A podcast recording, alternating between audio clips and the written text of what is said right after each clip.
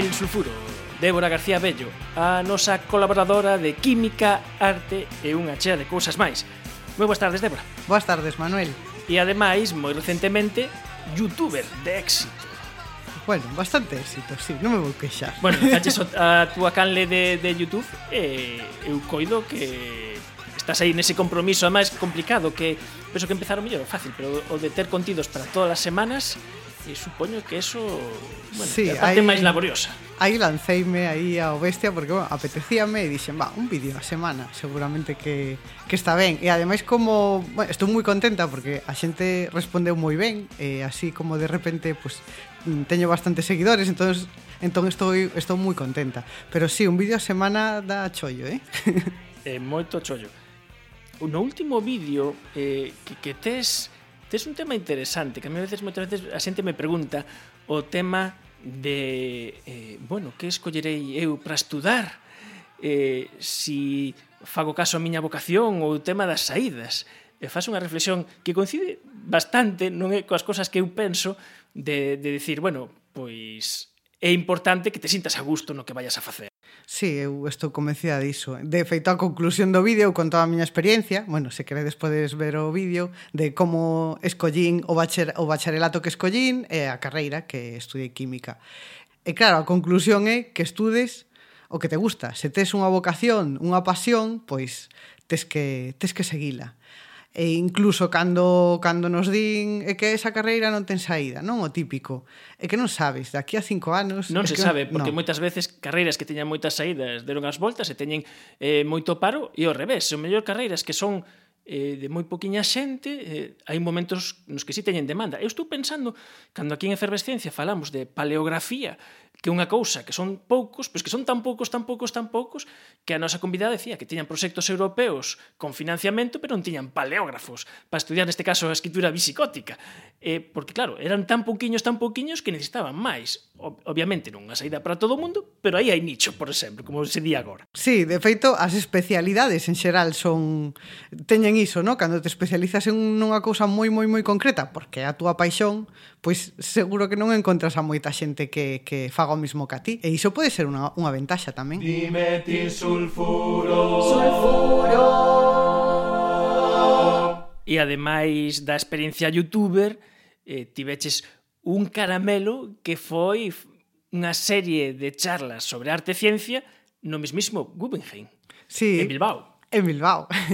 pois sí, eh, comezamos a semana pasada, pero é un ciclo, é dicir, eh, durante este mes de abril e durante eh, no mes de maio, pois varios xoves temos eh, varios varios temas a tratar da relación entre entre arte e ciencia. Además temos un elenco de de de poñentes excepcional, o sea, con artistas internacionais, con científicos, con divulgadores, un pouco de todo de xente que que está metida na, na relación entre, entre arte e ciencia, dende a restauración, a conservación, a, a representación de fenómenos naturais en, en arte, a significado dos materiais en arte, un montón de cousas. E ti esa coordinadora? Sí, sí en realidad é un, é un proxecto da, da Cátedra de Cultura Científica da Universidade do País Vasco, eh, en colaboración con, con Museo Guggenheim de Bilbao, que está de aniversario, entón, eh, entón eh, fixo como unha, unha apertura a, a facer cousas pois un pouco de fora, que se chama Toparte. Entón, pois eh, propuxemos aí esa colaboración e eh, xurdiu este ciclo. E entre as moitas cousas que fai a Cátedra de Cultura Científica da Universidade do País Vasco, que, por certo, é Premio Especial do Xurado dos Premios Prismas, e o seu blog de divulgación científica no que tamén colaboras. Sí, teñen un cuaderno de, de cultura científica e eu colaboro nunha sección que chamase Fronteras. E ali pois explico cousas cotias que teñen que ver coa química sobre todo. E desta volta, a túa última eh, intervención é moi doce. Sí, porque ten que ver co azucre, co azucre oculto. Oculto porque non vemos as primeiras, pero podese ver o azúcar sí. nos alimentos. Efectivamente. A ver, o tema do azucre, eh, que hai como, como moita controversia ao mellor agora co, co tema de que abusamos do azucre, ven por, por unha, unha demanda da Organización Mundial da, Sa de, da Saúde que de, de reducir o consumo de azucre, porque está probado que os, o consumo que temos de azucre pois, intervén en que pois, a, eh, teñamos máis perigo de padecer enfermedades cardiovasculares e diabetes de tipo 2. Entón, a recomendación da OMS é consumir eh, un 10% das calorías da nosa dieta poden ser azucre ou menos. Iso equivale pois, a 25 gramos de azucre, que son pois 4 terróns de azucre, non? Entón, claro, podemos pensar, bueno, 4, 4 terróns, o mellor non os tomo, non? Pois botolle un pouco café ou o té, ou tomo... Claro, asociamos... Do que, do que manipulamos nos directamente. Sí, claro. De, de coller o, o bote do azucre e de botar. Claro, podemos pensar, bueno, pois pues catro terróns non é tanto, pero claro, hai moitos alimentos que consumimos que teñen azúcar e se non nos fixamos nas etiquetas non, ou non teñemos o coñecemento de, de, de que está feito ese alimento, sobre todo alimentos procesados, pois claro, sí que chegamos a inserir esa cantidade. Eh, xa puxen, xa puxen o exemplo, creo que alguna vez, alguna vez aquí en Efervescencia, que foi co caso da Coca-Cola a un refresco, digo Coca-Cola como pode ser unha Fanta, como pode ser un hmm. Red Bull, o que sexa, que teñen moito azúcar. De feito, unha lata de, de, de case calquer refresco xa rebasa esa cantidade recomendada pola OMS. De feito, hai un experimento, este creo que non lo contou David Ballesteros, de comparar densidades de unha Coca-Cola normal e de unha Coca-Cola baixa en azucre, con, con edulcorante, e, e se ve que ten densidades diferentes. Pois porque... sí, Porque eso, unha, unha lata de Coca-Cola, por exemplo, ten 20, 27 gramos de azucre. Que é unha barbaridade. Que é unha barbaridade, claro. E iso polo menos ten, pois eso, un sabor doce, e entonces xa podemos pensar que sí, que ten bastante cantidade de azucre. Entón, a recomendación da OMS é sobre os o que chaman eles azúcar libre reducir o azúcar libre. Isto que quere decir? Hai dos tipos de azúcar libre. Un é o que engadimos pois, eh, no, no café, nun postre, e tamén é azúcar eh, libre o que teñen algúns alimentos procesados, pois as galletas, os cereais, os refrescos, zumes que teñen eh, azucre engadido. Entón, eh, o que temos que facer é fixarnos na etiqueta. Sempre hai que fixarse na etiqueta dos produtos. E saber la ben. E saber la ben. Entón, claro, se vemos na lista de ingredientes que hai azucre, eh, incluso ven na, na, na información nutricional cal é esa cantidade de azucre. Entón, temos que fixarnos nesas cousas. Pero hai outro azúcar que a OMS chama azúcar libre, que de alimentos que de seu xa teñen azúcre eh, que o noso organismo os procesa como se fose un azúcar engadido.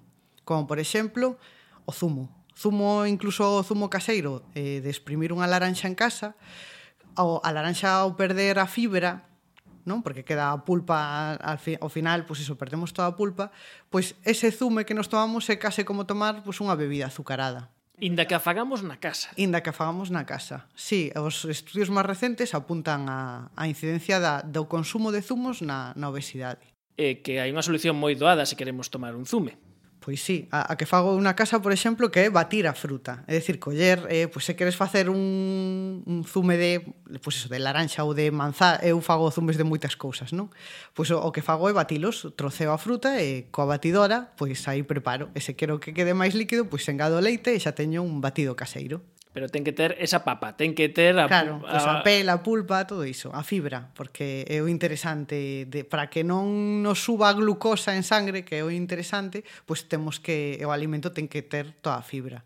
Por eso a OMS eh, pues non fai eh, ningún tipo de, de consello de reduce o consumo de froitas ou verduras que teñen azúcar, non. Só podes comer todo o que queiras, pero é máis. enteira, é máis, enteira, e xa está. Eh, falabas do tema da, da etiquetaxe eh, sei que aquí tuveches aí un par de anécdotas verídicas, reais, de unha cando estabas aí mm, no supermercado. Sí, eh, acercouse unha, unha señora eh, eh, na sección de yogures e eh, díxome, nena, é que o médico díxome... Sabía que... quen preguntar a señora, eh? tiña bollo. Sí, tiña bollo. e díxome, é que o médico díxome que, que podía comer yogur, pero que me fixase que fose sen azucre. E claro, estou vendo aquí todas as etiquetas e todos levan algo de azucre. E claro, a señora cando ense, eh, ensinoume pues, o envase dun yogur natural desnatado, ensinoume. E claro, aparecía eh, na táboa nutricional que onde aparecen proteínas, hidratos de carbono, todas estas cousas. Entón pon eh, hidratos de carbono dos, dos cales son azucres en, e poñía 5,3 gramos. E claro, ves, nenas, que leva, leva azucre, claro. Eh, na táboa nutricional, cando vemos azucres, non se fai distinción de que tipo de azucre é, porque en realidad azucres, eh, rigurosamente, o nome científico de azucre non só é o azucre de mesa, que é a sacarosa, senón que hai outros azucres. De feito, o leite leva un azucre que é a lactosa. E ese yogur levaba pois, a lactosa da leite. E claro, creou esa confusión. Entón, o que, o que lle dixen a señora é non mire soamente a táboa nutricional, fíxense na, fíxense na lista de ingredientes porque aí aparece pues, o normal, pues, leite, fermentos lácticos, o que leve, e non aparecía azúcar entre os ingredientes, co cal eh, levou ao final ese yogur. Entón hai que fixarse sempre nesas cousas. E logo a outra anécdota que Ajá. me pasou que foi eh, foi eh, en unha tenda a que vou con frecuencia cando cando vou ao cine. Eh, había unha, unha chica na cola a coller las peiradas. A coller las peiradas e había unha chica buscando entre entre os chupachús sen sen azucre. E claro, me, me di, cales son os sen azucre? E sinal, son estes que pon sen azucre xa sí, me decía ela, xa sí, pero pon sen azúcar, pero a saber se leva ou se non leva. E claro, dixenlle, podes confiar, se pon sen azúcar e que son sen azúcar, de feito, os pode tomar ata un diabético, o sea, que podes confiar sempre nas etiquetas. Sí, bueno, a saber, a saber que leva. E claro, eso, eso faime pensar en que o mellor eh, pues lanzamos ás veces ese mensaxe de que non te enganen tan a menudo con respecto, sobre todo, á industria alimentaria, eh, e non é todo mentira. É dicir, a información nutricional e os ingredientes que figuran nun alimento son verdade. O sea, aí non se pode mentir porque eh, hai controis sanitarios eh, de, de composición. Non pode mentir nunca un produto eh, niso. Entón, E, por outro lado, tamén a publicidade que fan os produtos. É dicir, a industria alimentaria tamén a veces xoga a ambigüedade uh -huh. e, entón, pois, gañas a veces esa desconfianza do consumidor sempre que poñan un produto sen azucre é que é 100% sen azucre. E ante a dúbida, a etiqueta. Ante a dúbida, a etiqueta. E ademais, neste tema eh, do azucre, Eh, tamén son ben coñecidas nas redes todas estas imaxes onde aparecen diferentes eh, produtos helado equivalente en terróns, o que falabas antes. Non? Uh -huh. O que pasa que aí hai que ter en conta e se ese dato se dá por 100 mililitros de, por exemplo, de, de bebida ou se dá por porción ou por ración. Non? Claro, primeiro eso, a cantidad de produto que realmente consumes, porque na tábua nutricional aparece eh, cada 100 gramos ou 100 mililitros de produto. Se a maiores que eh, o, o fabricante quere poñer pues, por porción ou tal, é unha cousa que a pode poñer se quere, pero non é obligatorio. Entón, hai que ter en conta tamén a cantidade de produto e facer ben o cálculo. E logo outra cousa, que na tábua nutricional aparece azúcares, pero aí está todo. O, que, o mismo que pasoulle esta señora coa lactosa Pois claro, non podes sumar a lactosa máis a sacarosa, máis a fructosa ou todo que calquera azucre que poda levar. Entón iso no cálculo, pois hai que telo en, en conta tamén, en, claro, non tampouco hai que alarmarse. É dicir, poder, eu podería facer iso cunha mazá. Por exemplo, eh, non hai ningún inconveniente en comerse unha mazá. De feito, é recomendable comer mazás. E podría facer unha foto dunha mazá cos terróns os que equivale, non sería certo. Entón, que claro, eh, sí que hai que ser conscientes da cantidade de azucre que consumimos e que hai que minimizala, pero tampouco agora, pois, eso, xerar como polémicas un tanto impostadas, non? O sea, xa está claro que, pois, se o vas facer pois, con unha galleta ou con unha manteca ou con de cacao ou con cousas así, sobre todo para nenos, pois e, e tamén en produtos que parecen sans, eh, como pues, un potiño de verduras ou un puré de verduras ou puré de, fru de froitas.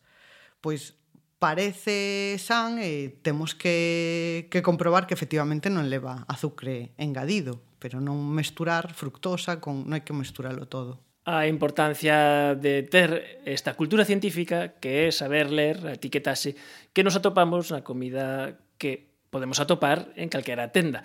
E conversamos, como sempre, con Débora García Bello, dimetil sulfuro. E gústame, además é moi aceitado, o mellor para agora que estemos falando de cousas doces, esa despedida, unha das despedidas que tes nos teus vídeos de... Para saborear, para saborear hai que saber. Hai que saber.